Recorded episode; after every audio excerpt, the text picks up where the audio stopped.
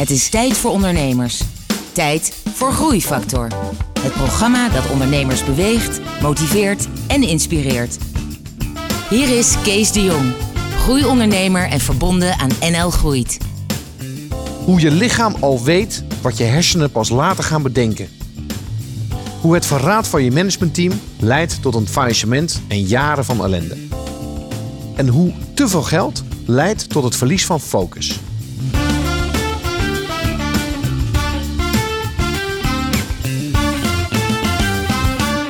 Welkom bij Groeifactor. Het programma dat ondernemers beweegt, motiveert en inspireert. Met een openhartig gesprek hier op de bank met een inspirerende ondernemer. En vandaag is dat Hans Stoop. Hans, welkom. Dankjewel. Hans, jij bent van Energiewonen. Klopt. Dat is een bedrijf in zonnepanelen. Ja, wij leveren en installeren zonnepanelen aan particulieren. Hoe groot is het ongeveer? Ehm, als ik de hele groep bekijk, dan zit er nu op ongeveer 20 miljoen omzet. En bijna 100 mensen in dienst. En ja, daarmee zijn we wel, denk ik, de grootste. Alleen, ja, misschien is er nog iemand anders die ook een heel groot bedrijf heeft die ik niet zou kennen. Maar waar komt die bescheidenheid vandaan, eh, Hans? Nou, ik word daar niet heel erg warm van. eh, om bijvoorbeeld een heel groot bedrijf te hebben. Ehm, ik kan wel heel erg warm worden eh, als ik een hele eh, gave klantenreview. net voor de kerst kregen wij van een klant een review met de tekst: Ik geef nooit tienen, maar voor jullie maak ik een uitzondering. Weet je, je weet niet weten hoe een goede kerst ik dan heb. Ja. Maar dit klinkt ook wel een beetje politiek correct, hè? Nee, dat is echt wel zo. Ja? Ja, dat is echt wel. dat, dat is echt iets dat is me eer te na.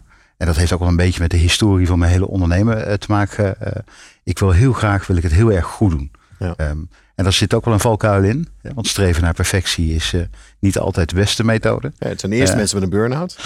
Ja, ja daar, eh, nou, ik zal niet zeggen dat ik daar last van heb. Dat geloof ik niet. Ik heb er wel lol in. Eh, maar ik moet er wel heel erg voorzichtig mee zijn. Ja. Maar ik- Want energiewonen bestaat nog niet heel lang, hè? Nee, we zijn uiteindelijk in 2009 zijn we met het bedrijf eh, zijn we begonnen. In eerste instantie met eh, eh, drie vrienden die eh, gewoon leuk zonnepanelen gingen verkopen. En dat was toen heel kleinschalig. En uiteindelijk is die markt ook ja, enorm geëxpandeerd omdat prijzen voor zonnepanelen enorm daalden. Heel veel media-aandacht kwam. het hele milieudebat natuurlijk een, ja, een enorm issue geworden is. Maar met name omdat waar vroeger de terugverdientijd 20 jaar was, ligt dat nu rond de 6, 7 jaar voor een gemiddeld systeem voor particulieren. Ja. Eh, en ja, krijgen we het nauwelijks aangesleept. En dat is wel grappig, want veel mensen zeggen dan... ja, die groei is natuurlijk, heeft hij voor elkaar kunnen krijgen... omdat de markt zo hard groeit. Dat klopt ook. Maar tegelijkertijd zijn er honderden spelers... waarvan heel veel spelers niet hard groeien. Dus jij doet iets bijzonders... waardoor jij die groei wel kan creëren. Nou, wat het is, dat wordt even de cliffhanger. Daar gaan we het straks veel later over hebben in het interview. We gaan nu beginnen eigenlijk met het, eh, met het begin. En het begin, dat begon voor jou een beetje in Haarlem. Toevallig waar de studio ook zit hier. Eh, op, de, op de HES was dat. Of op de ehm HEO Small Business. HEO Small Business. Zo heette dat toen. hier. Ja, Ja, sorry. Ja. Ehm, ja, dat begon daarmee omdat ik, ehm, ik, ik had een computer nodig. eh, en ik had onvoldoende geld om die te betalen. Maar ik had er wel veel handigheid in. Toen vroegen vier mensen onafhankelijk aan mij, of steeds meer, van Hans, eh, welke computer moet ik nou kopen? En toen ben ik naar de Kamer van Koophandel gefietst, eh, mezelf ingeschreven, want ik had uitgerekend, als ik dan de BTW kon terugvragen, vier PC'tjes verkopen, alle vier 1000 euro of 1000 gulden toen de tijd verdienen, kon ik precies een PC kopen van 5000 in de BTW zo'n beetje. En eh, was ik helemaal koning. Dus zo gezegd, zo gedaan. En dat is het begin van stoop, automatisering en advies geweest. Was dat jouw eerste, eh, jouw eerste echte bedrijf? Ja, dat is mijn eerste Kamer van Koophandel. Ik, ik was wel altijd ondernemend. Ja. Ik, ik heb in mijn studententijd in Brabant, waar ik vandaan kom, bouwde ik surfplanken. Beetje hetzelfde daagje. Ik kon geen surfplank betalen, maar ik, ik had er alles over gelezen en ik wist er echt alles van. Eh, en dan ging ik voor iemand ging die surfplan bouwen. Daar kreeg ik dan voor betaald. En vervolgens ging ik zelf die surfplanken bouwen en weer verkopen aan mensen. Totdat ik op een gegeven moment in mijn eigen schuur, eh, of althans de schuur van mijn vader, drie surfplanken had liggen. eh, want dan kon ik daarmee ja, mijn hobby uitoefenen, surfen. Weet je dat het zo grappig is dat veel ondernemers die, die ik hier op de bank heb zitten, allemaal rond hun twaalfde, dertiende, veertiende deden ze allemaal dingen. En dat is wel, dat is wel grappig. En het is ook. eh, want eh, kom jij uit een ondernemersnest? Nee, ook contrair. Ik, eh, mijn vader was ambtenaar. Ehm, ehm, mijn moeder was, was huisvrouw. Ehm, maar goed, dat is ook altijd een continu conflict bij mij thuis geweest. Ik wilde alleen maar harder, hoger, meer. Mijn ouders zeiden altijd, doe nou maar normaal. Ja. En dat was aan mij niet besteed. Nee, dat zat op een of andere manier, is dat een, een, een tik in me die daarin zit. Ja. Ja. Surfplanken naar computers. Ja, Dus dat was stoopautomatisering. Ja, helemaal chic hè. Stoop, automatisering en advies. Uh, en advies. ja, uh, want ik adviseer die ook over de computer. En dan moet je echt voorstellen, dan reed ik naar een bedrijf in, in een halfweg. Dan haalde ik daar onder, alle onderdelen. Mijn huisgenootje, die, uh, die hielp me dan met de schroeverij die computer in elkaar te zetten. Die leverde ik dan vervolgens af bij studenten. Um, en daar maakte ik op een pc'tje, maakte ik tussen de 600 en, en de 800 gulden winst. Ja, maar serieus geld. Ja, als je student bent. Ja. Ik deed dat zo'n twee tot vier keer per maand. Ik had een riante studententijd. Ik heb de collegebank ook relatief weinig gezien. Dat is dan wel weer een nadeel daarvan. Jij stond in de kroeg. Uh, ja, ja, vaak het eten in de kroeg. En, uh, ik had een heerlijk leven. Ja. Wat grappig. De, dus je wist al eigenlijk van nou, wat het ook wordt, ik word in ieder geval ondernemer. Ja, ik weet niet of ik me daar zo enorm bewust van was, maar het was wel iets wat me heel erg energie gaf want ik, ik kon dan zelf de boel inrichten zoals ik het wilde hebben. En ehm, ook gewoon heel eerlijk, je bent voor een heel groot deel verantwoordelijk voor je eigen inkomen. Of het goed doet of slecht doet, dat ja, heeft er wel mee te maken. Hielp het dat je dat ook leerde, zeg maar, overdag? Hè? Je was weinig in de collegebank, maar het was wel een opleiding om small business, om ondernemer te worden. Ja, uh, en dat hielp wel, omdat het je met name uh, hielp om, om angsten te overwinnen. Het knappen van die opleiding, en ik, ik, denk dat die nu niet meer in die vorm zo bestaat, was dat de toenmalige oprichter, meneer Veemeijer, die zei van wij leren hier door ervaringen. En dat betekent, je krijgt van ons opdracht, je gaat het doen en dan gaan we je in de afloop vertellen wat je allemaal niet goed gedaan hebt. En dat is een van, voor ondernemers is dat een fantastisch uh, concept. Want ik geloof oprecht dat ondernemers het type mensen zijn die dingen moeten doen, hun neus stoten en van die ervaringen leren. Uh, ondernemen vind ik bij uitstek een ervaringssport.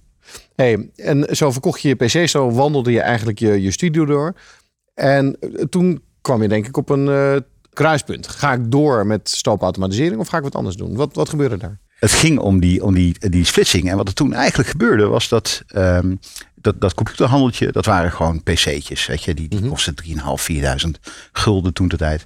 En wat er toen gebeurde is dat Phobos werd toen opgericht. Ja, dat was een enorm schaal, geschaald model. En die, uh, die ging prijsstunten met die computers. En die verkochten uh, de computers toen voor, bedrijven, voor bedragen waar ik zoveel inkocht. Ja. En ze, die studenten vonden mij best een aardige kerel. Maar die zei, ja Hans, ik, ik ga niet bij jou kopen als het daar 500 euro goedkoper is. Uh, dus ik, ik, ik kwam daar niet meer mee weg. En toen was eigenlijk, ja, stond in één keer mijn businessmodel stond droog. Dus toen moest ik wat.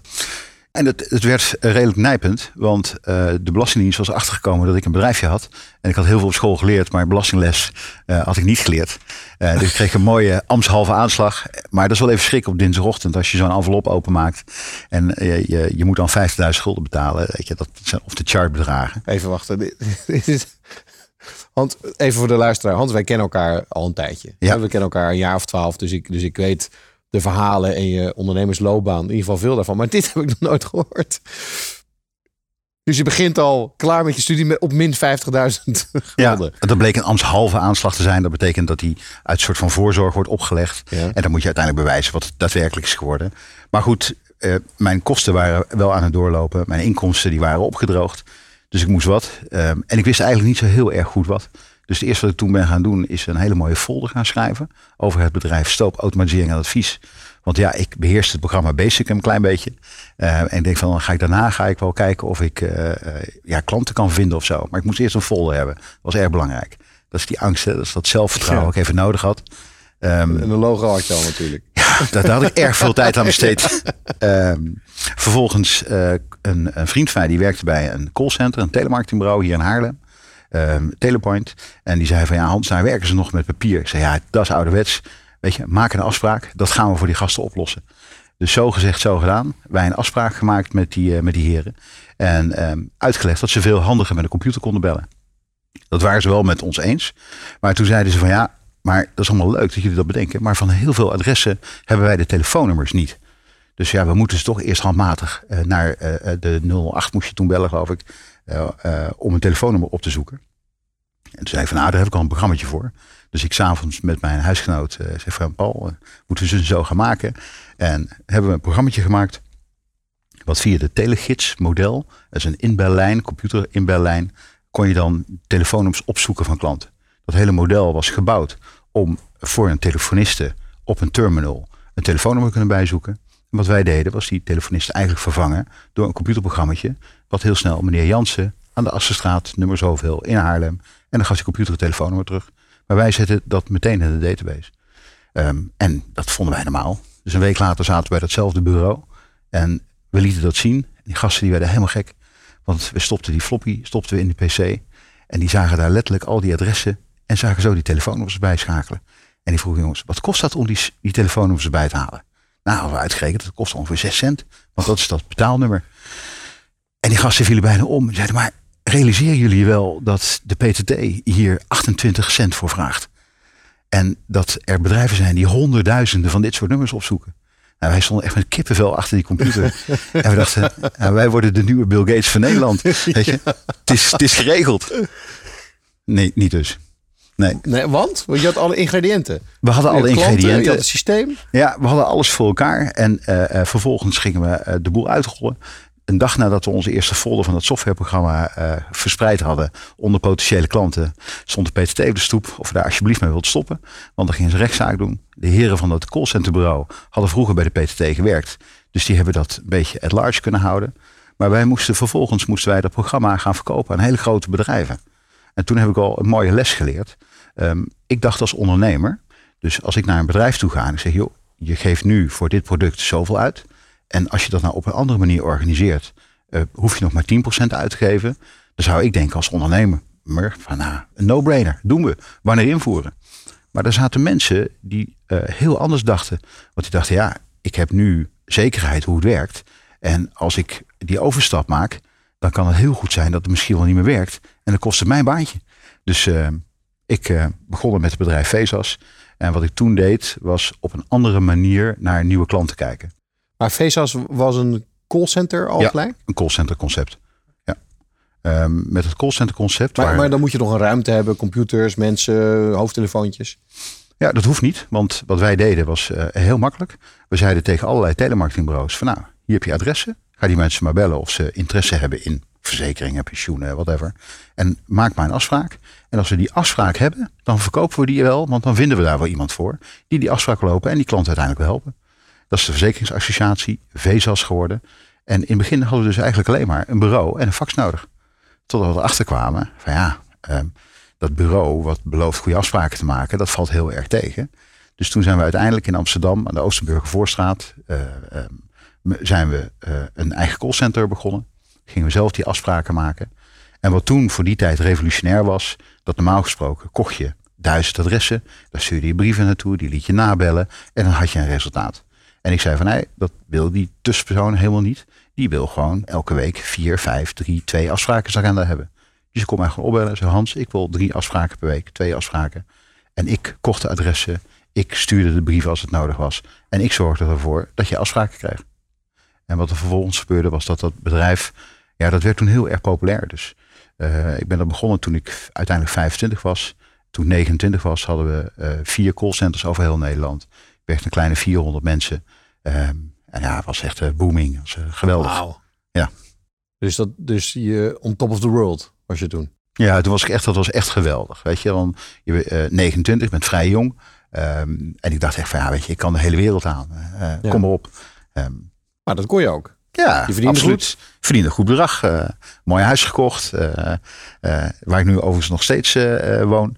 Um, ja, en ik, ik, ik genoot echt van het leven. Weet je, ik had een leuk sportautootje, uh, mooi leven, prachtig.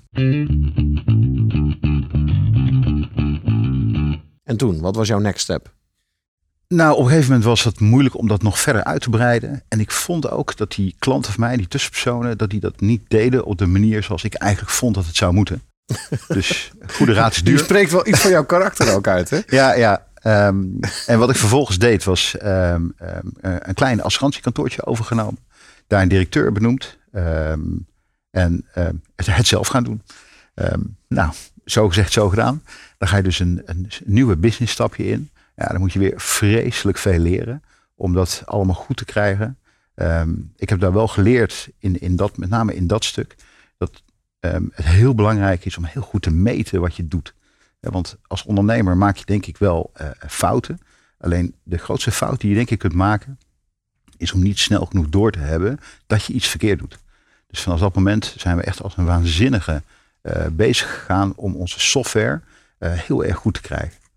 Meten is weten, gissen is missen. Ja, dat is daarna wel een thema geworden bij jou, hè? Dat je, Ja. dat, is, dat is echt wel dat je een weinig thema. aan toeval eh, overgelaten. Ja, En wat gebeurde er door- doordat je dingen bent gaan meten? Wat, hoe, hoe heb je je kunnen verbeteren daarmee? Nou, uiteindelijk eh, kun je dan allerlei kleine zaken kun je verbeteren. Hè, waar eh, bij een, een, een normale tussenpersoon een, een, een adviseur, zeg maar, gemiddeld eh, acht afspraken per, per week liep.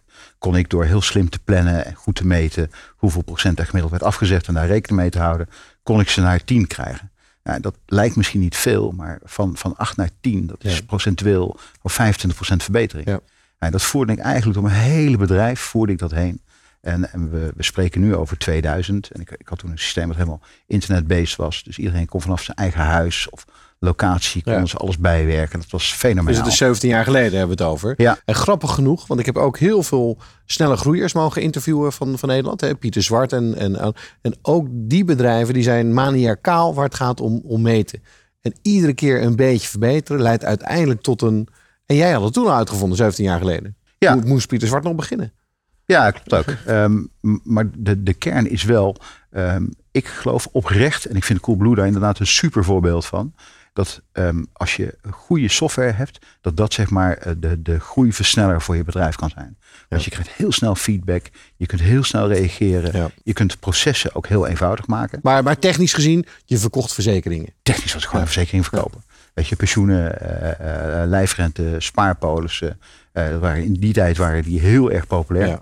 Ehm, vervolgens daar een directeur aangenomen. Lesje aannemen van directeuren geleerd. Zoals heel veel ondernemers die denken Ja, geleerd ging mis? Ja, verschrikkelijk mis. Een medewerker smeekt op een gegeven moment Hans, ga jij het alsjeblieft doen. En wat ik aantrof was echt een, een puinhoop. Ehm, en in het begin ben je dan heel boos op zo'n man. Maar uiteindelijk realiseer je dan ook wel dat je ook wel boos op jezelf moet zijn. Ja. Je hebt het gewoon te veel losgelaten. Ja. En sommige dingen niet gemeten. Ja, ehm, uiteindelijk ga je af op de verhalen die zo iemand vertelt. Eh, dus toen ben ik inderdaad heel maniacaal begonnen met, met software meten. Ehm, de volgende stap was uiteindelijk dat dat ehm, ja, enorm is gaan groeien. In, ik ben in, effectief in 2000 dat bedrijf eh, begonnen. En in 2005 ehm, verhuisd naar een eigen pand. Had ik eh, ongeveer 45 adviseurs eh, aan het werk. Ehm, het was, was één groot succesverhaal. Eh, ehm, eh, super tevreden klanten, heel goed geholpen. Eh, ik was echt on top of the world. Ja. Ehm, en wat er toen ook gebeurde was dat ik, dat was ook een soort van bezinningmoment. Weet je, dit was echt wel eigenlijk waar ik mijn hele leven voor krom had gelegen, wat ik altijd wilde. En ik, ja, ik verklaar dat nu een klein beetje als to- topsporters zwarte gat. Ja. Weet je, mijn Je doelen, was er. Ja, mijn doelen waren op. Ehm, en dan ga je ook wel als ondernemer verzinnen wat, wat nu weer. Wat, en wat kocht je toen? Ehm, ja, ik, ik hou van zeilen en ik wilde mijn gezin ook eh, vaker zien. Dus ik kocht een, en ik, ik, ik, ik had al een zeilboot en ik kocht een nog mooiere luxe zeilboot. Ja. Die legde ik neer in de haven van Palma de Mallorca. Een prachtige zeilboot. En we hebben het hier over een serieuze zeilboot. Ja, dus echt wel een serieus eh, dingetje. Weet je wel, eh, in dollartjes een miljoen of zo. Ja. Weet je, echt wel een erg mooie zeilboot. Ehm, ik, ik reed natuurlijk in een mooie dikke auto. En ik had echt wel het goede leven. Weet je, ik had de boel goed ingericht. Ja. Vervolgens ehm, eigenlijk steeds meer die zaken ook een beetje gaan loslaten. Hè, want ja, ik, ik kan het wel. En ehm, het, het ook misschien minder leuk vinden. Ik ging meer met andere dingen bezighouden. Ik had vier eh, directeuren op allerlei vlakken had ik, eh, had ik aangesteld. Ehm, en, en dat is wel het hele aparte. Ergens voelde ik wel in mijn buik dat het niet klopte. Ik kan me heel goed herinneren dat ik met die zeilboot eh, bij Ibiza, bij Formentera lag. En midden in de nacht echt wakker werd van er klopt iets niet. Maar ik probeerde mezelf, ja, dit, dit ja, weet je, dat kan niet waar zijn. Openhartige gesprekken met inspirerende ondernemers. Je luistert naar Groeifactor. Je werd wakker en, en, en je, je lichaam probeerde iets te vertellen dat er iets niet klopte. Klopt. En toen kwam ik terug in Nederland en toen waren de, de cijfers waren niet goed. Maar dat gebeurt wel vaker in de zomermaanden. En de maanden daarna waren ze nog steeds niet goed. Maar ja, goed, de vakanties waren inderdaad laat. Ehm, in september werd het niet beter. Eh ja, begon me toch een beetje zorgen te maken. Maar mijn management vertrouwde me dat het echt wel goed kwam. En dat het wel snor zat. Het is uiteindelijk de rest van het jaar nooit meer goed gegaan. En alles wat ik had opgebouwd, zag je zo onder mijn handen eh, wegglijden. Tot op het moment dat ik ook gewoon, eh, ondanks alle spaartegoeden die ik had, op een gegeven moment nou zo nog twee maanden. En dan kan ik de salarissen niet meer eh, betalen. Dus toen eh, uh, mijn managementteam, mijn directeuren bij elkaar geroepen. En ik zei, heren, er moet stevig georganiseerd worden. En toen zeiden ze tegen mij, wij Hans, maar dat ga je dan wel alleen doen. Want wij gaan voor onszelf beginnen. Um, en toen wist ik ook van, oh hemel, wat is hier gebeurd? Um, achteraf ben ik achtergekomen dat ze zich al een aantal uh, maanden daarvoor hadden ingeschreven met een eigen kantoor. Dus ze waren voor zichzelf begonnen en ze waren het vergeten tegen mij te vertellen. En dat is ook de reden waardoor die maanden daarna, uh, of daar voorafgaand, natuurlijk niet meer zo liepen. Hun, ja. hun, energie, hun aandacht was uit de tent. Ja, en ik voelde me echt als een, als een kapitein op een zeilboot die commando's uitdeelde. Uh, en het bleek dus achteraf dat ze niet zo werden uitgevoerd zoals ik ze in ieder geval aangaf. Um, en, en, dat wil niet zeggen dat ik de hele schuld bij, bij, bij derden wil neerleggen. Want weet je, uiteindelijk heb ik het zelf ook te veel losgelaten. Had ik er zelf ook meer bovenop moeten zitten. En um, ik dacht van nou, als ik er nu op tijd mee stop, kan me in ieder geval nooit verweten worden dat ik tegen beter weten in uh, door zou zijn uh, gegaan en, en, en, schulden had gemaakt. Um, en dat is achteraf, ja, achteraf nogmaals, had ik dat misschien anders moeten doen. Dat, dat, dat is altijd moeilijk in uh, beoordelen. Um, maar wat ik wel weet is dat daardoor had ik een, een bedrijf um, ja, waar ik faillissement voor moest aanvragen. Mm -hmm. En ja, dat was, was een nederlaag. uitspraak en tegelijkertijd had je vier tegenstanders die voor zichzelf waren begonnen.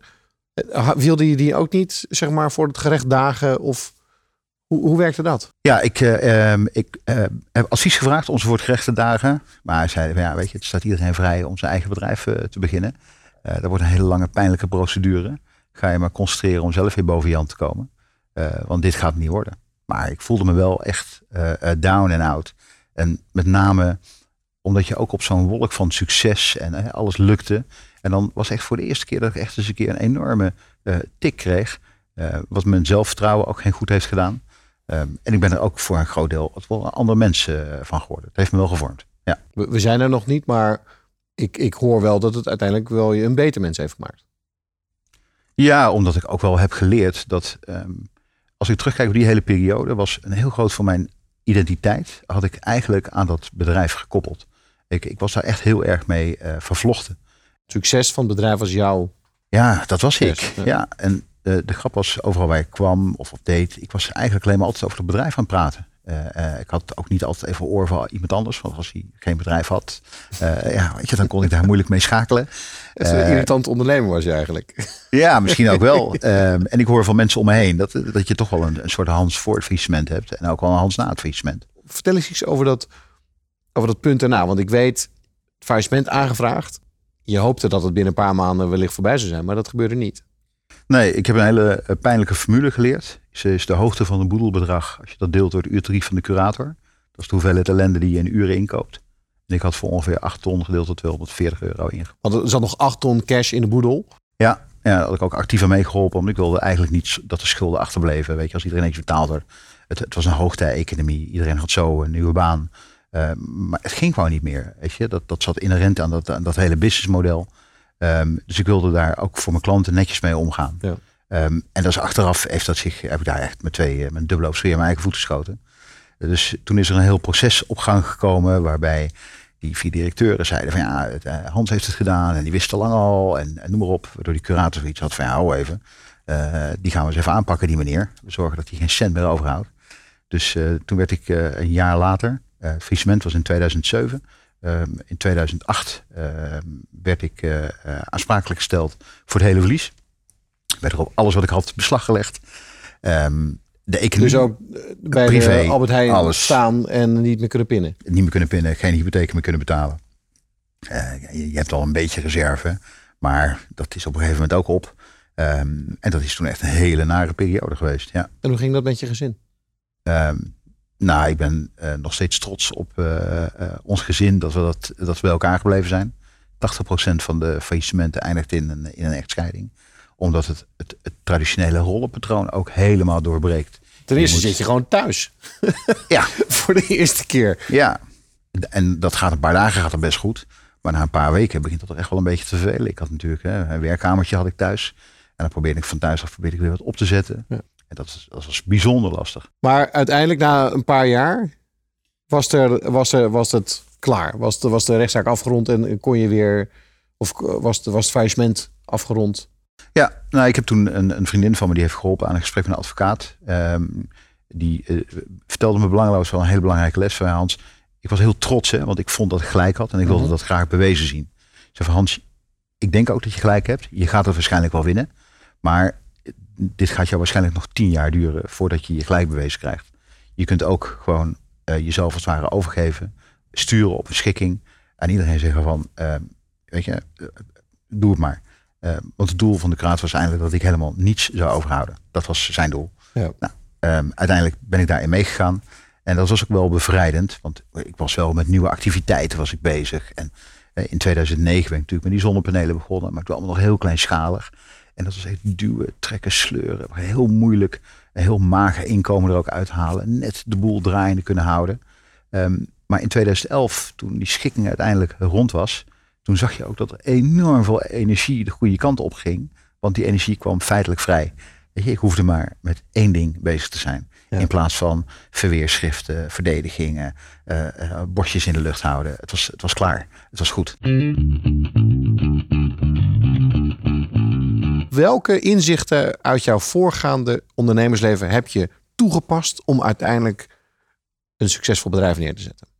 Nou, regel 1 is wat mij betreft het woord pokon. Uh, of het woord nee, moet ik eigenlijk zeggen. uh, uh, nee is pokon voor je bedrijf. dus je moet heel vaak nee durven zeggen. dat hebben we toen in het begin, zijn we daar ook heel strikt in geweest. we zijn goed in het leveren aan consumenten, aan particulieren. En we kregen heel veel verzoeken om voor collectieven in te schrijven, voor sportverenigingen, voor agrariërs. We hebben gezegd, nee, doen we niet. Wij focussen ons op die particulieren. Hoe we dat moeten aanvliegen, hoe we dat zo goed mogelijk doen. Nee is pokon voor je bedrijf. Fantastisch. Dus je kiest één ding en, en dat is hem dan? Ja. Hoe wist je dat je dat moest kiezen? Nou, omdat bij al die bedrijven die ik al die tijd gehad had, of dat nou die, dat, dat telemarketingbureau was, dat was echt ook toppunt van focus. Weet je, ik koos één doelgroep, één markt. Uh, bij die verzekeringen koos één doelgroep, één markt. Weet je, en dat bedrijf, hoewel natuurlijk hè, vervelend geëindigd, is wel, was wel een enorm groeibedrijf. Ja. En dat, dat past ook enorm bij mij. Ik, ik, ik vind het super leuk om bedrijven te laten groeien. Dat vind ik, vind ik echt te gek. Daar word ik helemaal blij van. Ja. Dus dat, dat, dat, uh, dat nee zeggen, dat pokon, dat is, dat is een van mijn dingen. Daar, daar geloof ik in. Dus daar zijn we ook uh, frantic in. Het, volgende wat we uh, gedaan hebben, is overal proberen een proces van te maken. dus niet heel, alleen maar heel hard werken en, en dingen oplossen. Maar ook gewoon af en toe gaan zitten, reflecteren van oké, hoeveel tijd besteed ik nu aan al deze acties om dat bijvoorbeeld actie X te doen. En dan ging ik vervolgens ging zitten vragen als ik het nou zo inricht en zo doe. En daar komt altijd heel veel automatisering bij te kijken. En dan wat ik normaal gesproken dan in een kwartier deed, kon ik nu in vijf minuten doen. Maar belangrijker was, ik kon aan iemand inhuren. Zeggen van kijk, als, je, als dit gebeurt, moet je op drie, vier knoppen drukken. Moet je dat briefje uh, selecteren, enter drukken en send. Dan is, was de factuur en de aanbetalingsnota was de deur uit. Waren mensen aangemeld en ja. was alles geregeld. Maar wat heb je geleerd op het gebied van mensen? Um, uiteindelijk um, heb ik ja, een paar goede ervaringen. Een paar... Mensen willen gewaardeerd worden. Dat is altijd een, een belangrijk ding. Um, en dat proberen we ook wel zo goed mogelijk vorm te geven. Um, het lastige blijft wel dat um, grote sommen geld uh, doen mensen hun gedrag soms veranderen. Dat is een dure les die ik van die, uh, van die vier heren heb meegekregen. Uh, zodra boven de tonnen uitkomt, dan is het niet heel verstandig om uit te gaan zoals gedrag was. Of dat nou ook in de toekomst zo zal zijn. Wat zijn nog meer redenen waardoor jouw bedrijf nu zo hard is gegroeid? Wat, wat, heb, je, wat heb je gedaan om de boel te ontwikkelen? Nou, een hele simpele bijvoorbeeld in onze branche. Uh, en dan praat ik nu over die zonnepanelenbranche. Um, dat, is een, dat is een groeiende branche. En je ziet dat daar heel veel groothandels en, en, leveranciers uh, gewoon heel veel gedoe hebben met op tijd betalen. Dus wat wij hebben ingevoerd is altijd op tijd betalen. Dat, dat weet ook iedereen binnen het bedrijf. Dat is echt wat, we, wat wij als kernwaarde beschouwen. Uh, andere kernwaarde is, en die, die is wat algemener, maar de enige plaats waar succes eerder komt dan werk is het woordenboek je moet gewoon heel hard werken. Je moet voor je klanten willen werken. Je moet uh, gewoon uren, meters maken. Alles wat je daar energie in stopt, dat komt er vroeg of laat als resultaat weer uit. Wanneer is het, is het klaar? Wil je doorstoten tot 200 miljoen? Wil je door Europa? Of wil je hierna weer een ander bedrijfje laten groeien? Nou, dat is een fase waar we nu eigenlijk in een soort van uh, middenin zitten. om te kijken van ja, wat, wat willen we daar nu in? We praten nu met veel uh, partijen. van ja, welke kant gaan we op? Wat gaan we doen? Er zijn voor ons een aantal mogelijkheden. of zeg maar nog groter worden in dit vakgebied wat we al zijn. Of misschien wel wat breder worden. En isolatie, uh, accuopslag, uh, dus wat meer de breedte ingaan. Ja. Dat is een heel actueel onderwerp. En daar zijn we nog niet helemaal uit. Hans, je bent een wandelend vat met wijsheden, slimmigheden, snedige opmerkingen. Heb ik altijd aan jou gemerkt. Uh, dus ik wil toch nog even meer uit jouw hoofd pulken voor wat betreft ondernemersles. Nou, ik geloof dat bedrijven uh, alleen maar kunnen uitblinken uh, met maatwerksoftware. Er zijn heel veel voorbeelden, maar het, het zijn kleine voorbeelden. Um, je kunt in een pakket kun je kiezen. Um, en dan neem je bijvoorbeeld een pakket wat gemaakt is voor de installatiebranche, ik noem maar wat. Maar als de hele branche linksaf gaat, dan gaat de softwarebouwer met zijn hele markt mee. Die gaat ook linksaf. Ja. En ik ben een hele eigenwijze ondernemer. Als ik nou rechtsaf wil, dan gaat die softwarebouwer mijn features niet inbouwen. Ja. En ik weet precies hoe het gaat op het moment dat ik uh, uh, ga aanhaken op standaard pakketten. En ik heb het hier wel over het ERP, hè, over het proces, niet over het boekhouden. Of, hè, maar dat, dat vind ik een ander métier. Ja. Maar op het moment dat ik dan een andere kant op wil, dan kan dat ineens niet. En dat betekent nu bijvoorbeeld dat we nu bezig zijn met een module te maken dat uh, in onze software kan de klant inloggen op zijn klantportaal en dan kan hij zien waar de servicebus rijdt. Dan kan hij zien wanneer de monteur zou komen. En hij kan zien wanneer zijn zonnepanelen voor service uh, uh, ingepland staan. Um, en dat zijn die kleine beetjes extra toegevoegde waarden die je vaak niet met andere dingen kunt geven. Ik heb het vaker gehoord hoor, trouwens. Uh, ook weer de snelle groeiers van Nederland, Pieter Zwart, maar ook Jitse Groen en anderen. Ook allemaal zijn ze sneller kunnen groeien dan hun concurrenten door inderdaad eigen maatwerksoftware. Ja. Oké, okay, maatwerksoftware, dat is nog een. En heb je nog een laatste inzicht? Um, ja, het is een beetje mijn eigen stelregel. En, en hij geldt voor mijn bedrijven. Maar ik heb het altijd heel lastig gevonden om met meer dan 50% per jaar te groeien. Uh, dus als je het beperkt houdt tot ongeveer 50% per jaar, dan komt het wel goed. Ja, de eerste jaren kan het toch harder, of niet? Nou, de eerste drie jaar, dat, dat is natuurlijk relatief eenvoudig. Ja. maar uh, ik heb wel een beetje gemerkt, maar dus misschien is dat ook mijn onkunde, uh, dat als ik harder groei dan 50% na een jaar of vier, vijf, dan wordt het echt wel, wordt het echt wel een beetje zeuren. Ja. Zit je nu nog steeds op zulke percentages? Ja, ja. Hans, wat enorm knap. En ik weet hoe diep het dieptepunt was uh, voor jou. En ik gun je dit hoogtepunt enorm. Dus het is een genot om met jou te praten en om van jou te leren. En hopelijk vonden de luisteraars dat ook. Dus ik wil je enorm bedanken voor dit gesprek. Heel graag gedaan. En iedereen bedankt voor het luisteren naar deze aflevering van Groeifactor. Graag tot de volgende keer en nog een fijne dag. Ga naar mkbbrandstof.nl voor nog meer inspirerende verhalen van mede-ondernemers. Groeifactor beweegt ondernemers.